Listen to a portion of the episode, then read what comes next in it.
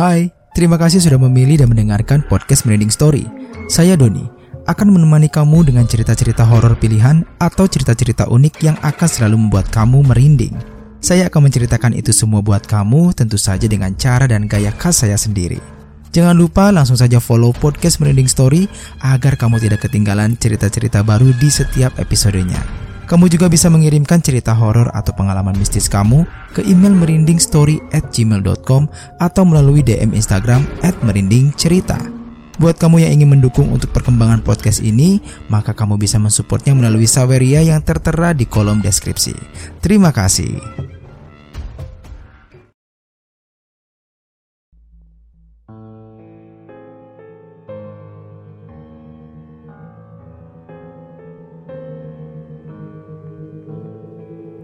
Bismillahirrahmanirrahim. Assalamualaikum warahmatullahi wabarakatuh.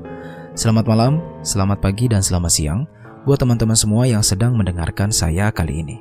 Saya Doni, selamat datang di Merinding Story. Halo teman-teman semua, apa kabar? Semoga teman-teman selalu dalam keadaan sehat walafiat Selalu dalam lindungan Allah subhanahu wa ta'ala Dan tentu saja semoga teman-teman selalu terhindar dari virus COVID-19 Yang sampai hari ini memang masih mengancam kesehatan kita semua Baiklah teman-teman, untuk merinding story kali ini, saya akan melanjutkan lagi cerita mengenai rumah kuntilanak yang dialami oleh Ibu Sulami. Nah ini adalah bagian keduanya ya teman-teman ya. Nah buat teman-teman yang belum mendengarkan bagian pertamanya, silakan teman-teman dengarkan dulu bagian pertamanya biar ceritanya bisa nyambung. Nah, di sini saya akan melanjutkan lagi di bagian kedua dan ini juga adalah eh, bagian terakhir dari cerita Rumah Kuntilanak Hunian Lawas Semarang 1978. Dan cerita ini ditulis oleh eh, Mas Agil Saputra ya dengan akun Twitter @agilrsapoetra. Nah, nanti teman-teman bisa cek di kolom deskripsi. Silakan teman-teman juga bisa bersilaturahmi ke akun Twitternya Mas Agil ini ya. Di sana banyak cerita-cerita yang seru juga. Oke, sepertinya kita langsung saja lanjut ke bagian kedua dari Rumah Kuntilanak Hunian Lawas Semarang 1978. Silahkan teman-teman bisa berdoa terlebih dahulu. Setelah berdoa, langsung saja matikan lampu kamar teman-teman, pasang headset, siapkan cemilan, karena cerita akan segera dimulai. Berikut kisahnya.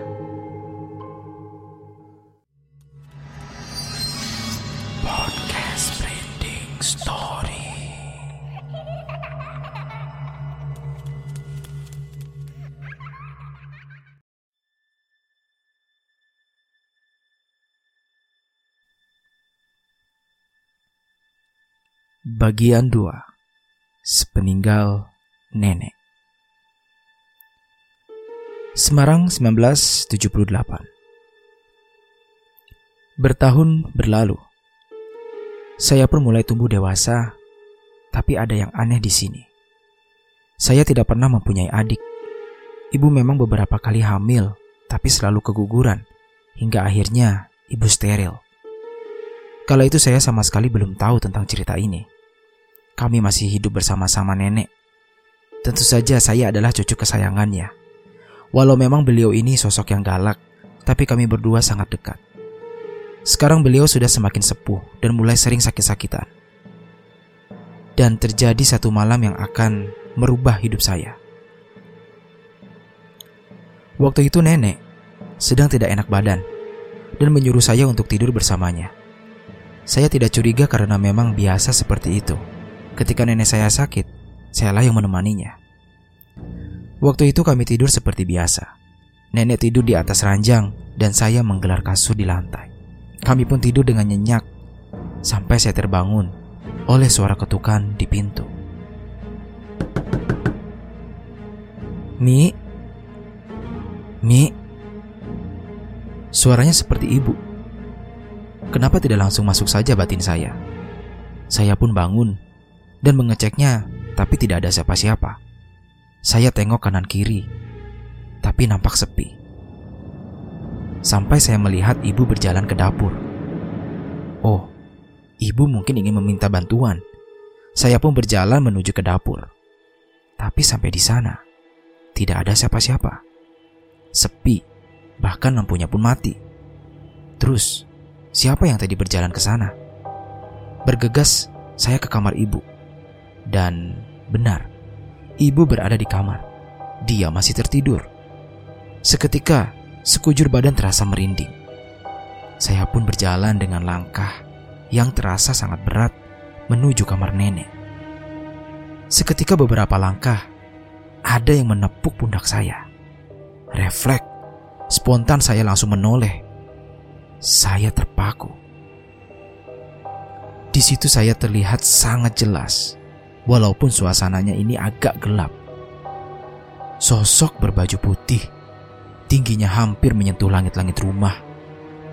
Lalu sosok itu agak menunduk dan berkata, Apa nak? Kulai aku ya. Saya kewes ketemu.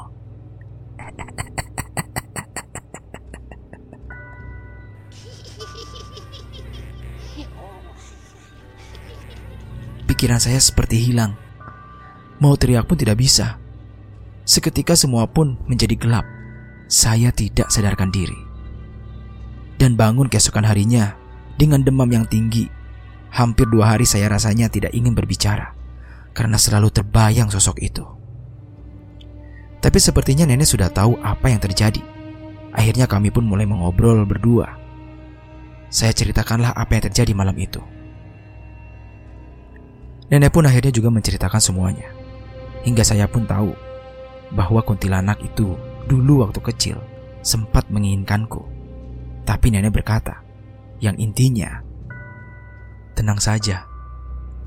Tenang saja. Sekarang kamu sudah besar. Dia hanya suka dengan anak kecil. Kamu harus berani. Nenek sudah tua, tak kuat seperti dulu. Begitu kira-kira kata nenek waktu itu. Hari pun berlalu, tapi yang saya tidak tahu itu adalah kata-kata terakhir nenek. Karena sehari kemudian nenek jatuh sakit, masuk ke rumah sakit, dan sekira sebulan nenek meninggal dunia di usia hampir 90 tahun. Dan sepeninggal nenek, di sinilah puncak kengerian itu terjadi. Sekira 40 harian setelah kepergian nenek, mulai terjadi hal-hal aneh. Sore hari bapak dan ibu saya berpamitan mau pergi sebentar di rumah kerabat. Saya yang masih di kamar, cuma iya-iya saja. Sembari melangkah pergi, mereka berpesan agar tidak lupa menutup pintu dan jendela. Saya tengah membaca buku waktu itu. Tak terasa sudah menjelang maghrib. Saya yang memang takut, memutuskan untuk pergi ke rumah tetangga dan akan kembali kalau nanti bapak dan ibu sudah pulang.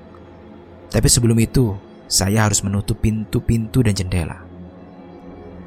Saya tutuplah pintu belakang dan jendela-jendela dengan agak tergesa-gesa.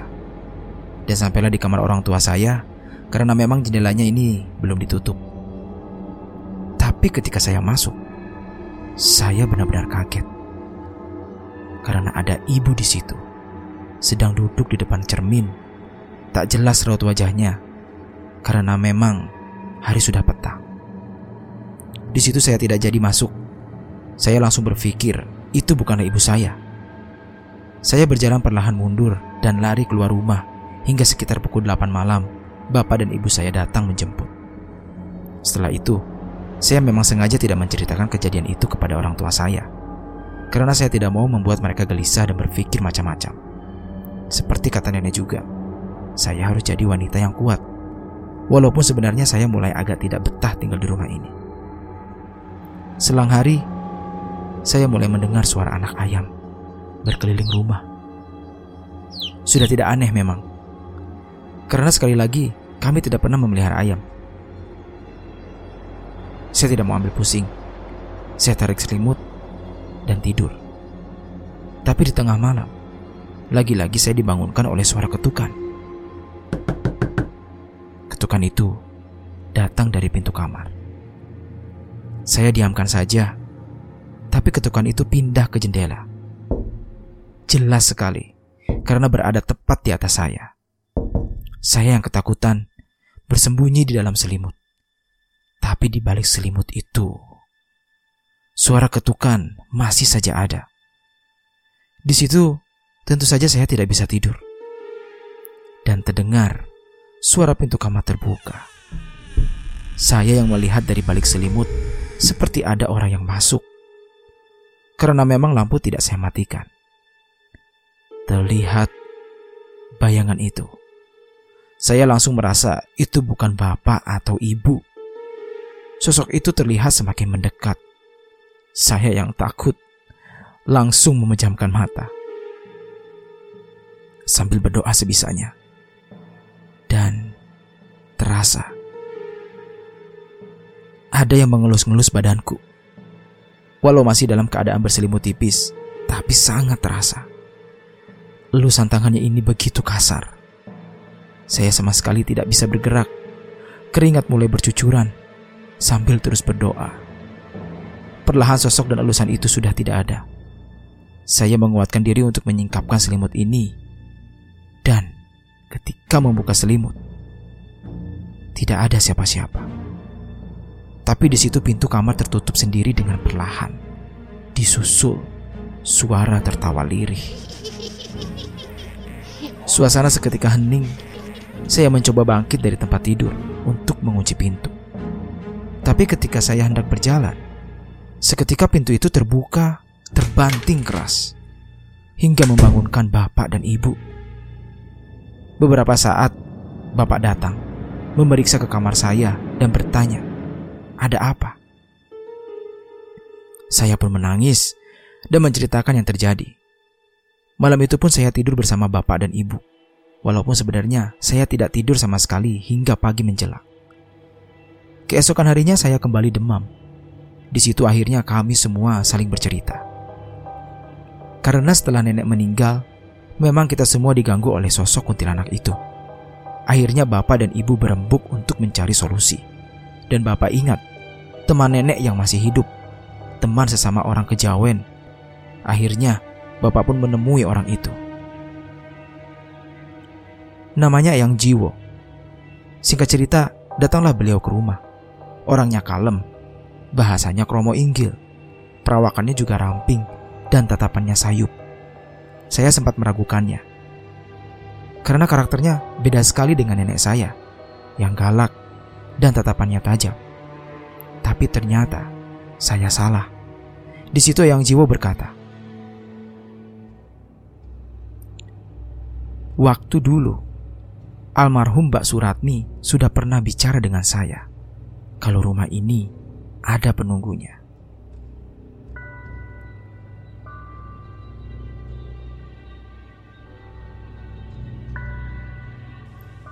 Kami ngobrol panjang lebar di tengah obrolan Eyang seketika memotong pembicaraan dan meminta air serta sapu lidi.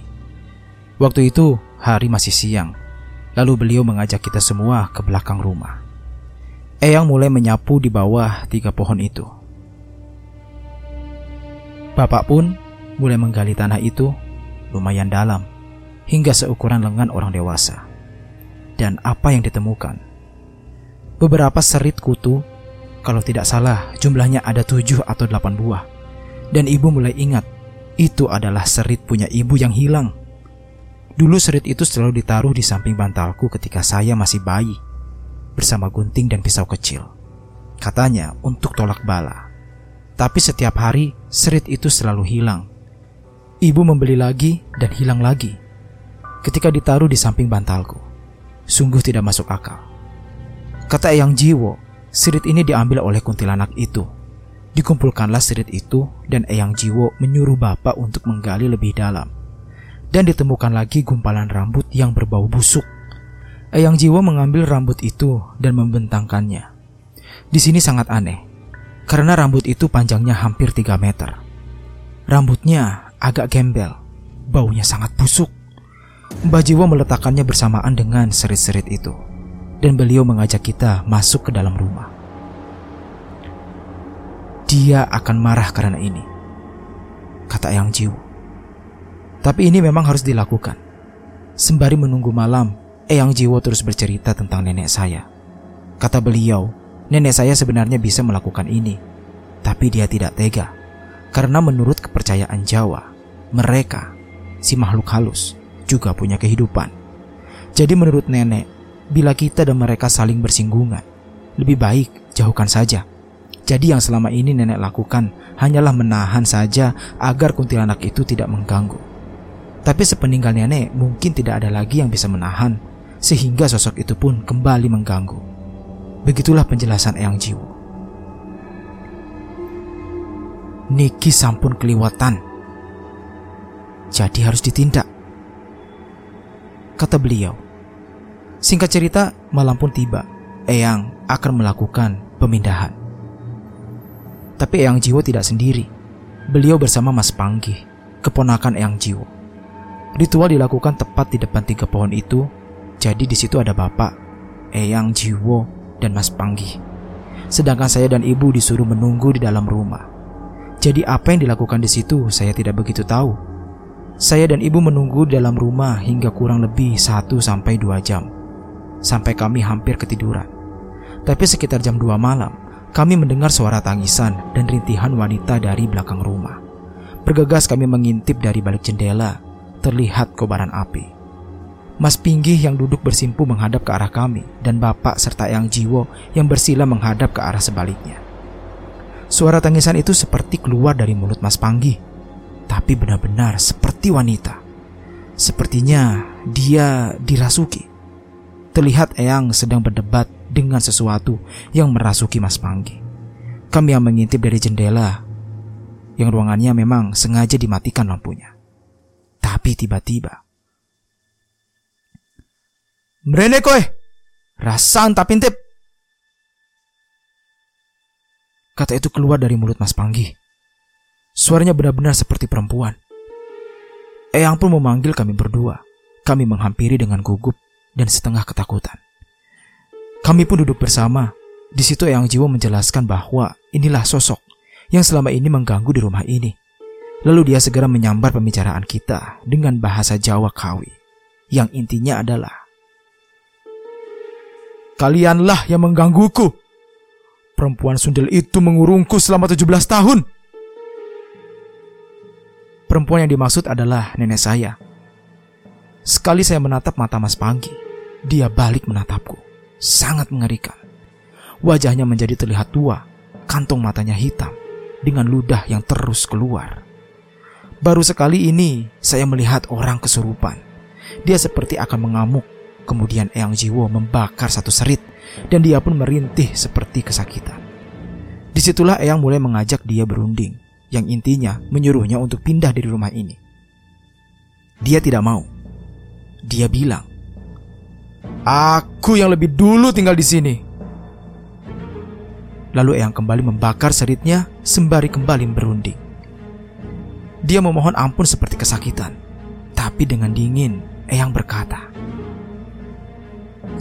meh coro halus opo kasar cara halus atau kasar sembari kembali terus membakar serit itu satu demi satu sampai tinggal serit terakhir. Dia pun menyerah ketika serit itu mau dibakar. Akhirnya dia mau pindah dengan satu syarat. Dia ingin bersama dengan teman-temannya di satu sumur yang berada di bekas gudang vanili. Kebetulan gudang vanili itu berada di pojok desa, masih satu wilayah, dan dia minta digendong oleh Eyang Jiwo menuju ke sana. Syarat yang aneh. Padahal badan Mas Panggi ini cukup besar, tapi Eyang Jiwo menyanggupi persyaratan itu dengan sebuah janji. Aku akan menyimpan serit dan rambutmu, dan akan kuwariskan ke anak cucuku. Jika kamu berulah lagi, aku akan membakar ini semua kalau aku nanti sudah mati, maka keturunanku lah yang akan melakukannya. Begitu kira-kira kata Eyang Jiwo. Dia pun menganggukkan kepalanya. Dengan tergopoh-gopoh, Eyang Jiwo menggendong kutilanak itu yang berada di dalam tubuh Mas Panggi. Kami bertiga mengikuti di belakangnya. Saat kami mulai keluar rumah, ternyata sudah ada beberapa warga di depan rumah yang mungkin mendengar keributan ini. Kami tak sempat menjelaskan kepada mereka, tapi sepertinya mereka paham kami pun berjalan mengikuti Eyang Jiwo yang menggendong Mas Panggi. Tapi di sini saya mulai heran. Eyang Jiwo ini kakek berumur 75 tahunan. Tapi beliau terlihat seperti tidak begitu berat jalannya. Dengan beban sebesar itu. Bahkan dia sesekali berlari kecil saat mengangkat beban itu. Akhirnya sampailah kita di sumur bekas gudang vanili itu. Eyang pun menurunkan Mas Panggih dan berkata, Wes, wes tekan iki. Saya iki kau yang balik. Sosok di dalam Mas Panggih itu diam sejenak dan kemudian menangis terseduh-seduh. Benar-benar mengeluarkan air mata. Intinya, dia meminta maaf kepada keluarga kami dan dia menjelaskan satu hal, bahwa tentang kutukan kelahiran di rumah itu sesungguhnya tidak benar. Intinya, dia memang suka dengan bayi atau anak kecil, tapi dia tidak mempunyai kemampuan untuk merenggutnya, apalagi merawatnya. Soal dulu dia pernah bilang ingin merawatku, itu hanya sebatas ungkapan saja. Akhirnya sosok itu pun berpamitan dan keluar dari badan Mas Panggi. Seketika Mas Panggi terkulai lemas dan memuntahkan cairan hitam. Mas Panggi juga sempat tak sadarkan diri untuk beberapa saat. Jujur kami dan warga yang ikut masih tercengang. Heran, apalagi saya yang menyaksikan ini dari tadi. Kata Yang Jiwo, ini memang tak masuk di nalar. Tapi inilah tanah Jawa. Singkat cerita, kami pun semua pulang. Kalau tidak salah, sudah sekitar jam 4 pagi. Kami semua ngopi bersama Eyang, Mas Panggi, dan beberapa warga. Di situ Yang Jiwo berkata, ini semua sudah selesai dia tidak akan lagi mengganggu di rumah ini. Hari berganti, rumah ini memang terasa lebih adem. Sudah tidak ada lagi gangguan-gangguan di rumah ini. Tahun berlalu, saya pun masih tinggal di rumah ini hingga menikah dan punya anak, dan sekarang punya cucu. Rumah ini masih saya tempati sampai sekarang. Walau sampai sekarang, kadang ada orang yang masih menganggap rumah ini adalah rumah kuntilanak. Ibu Sulami.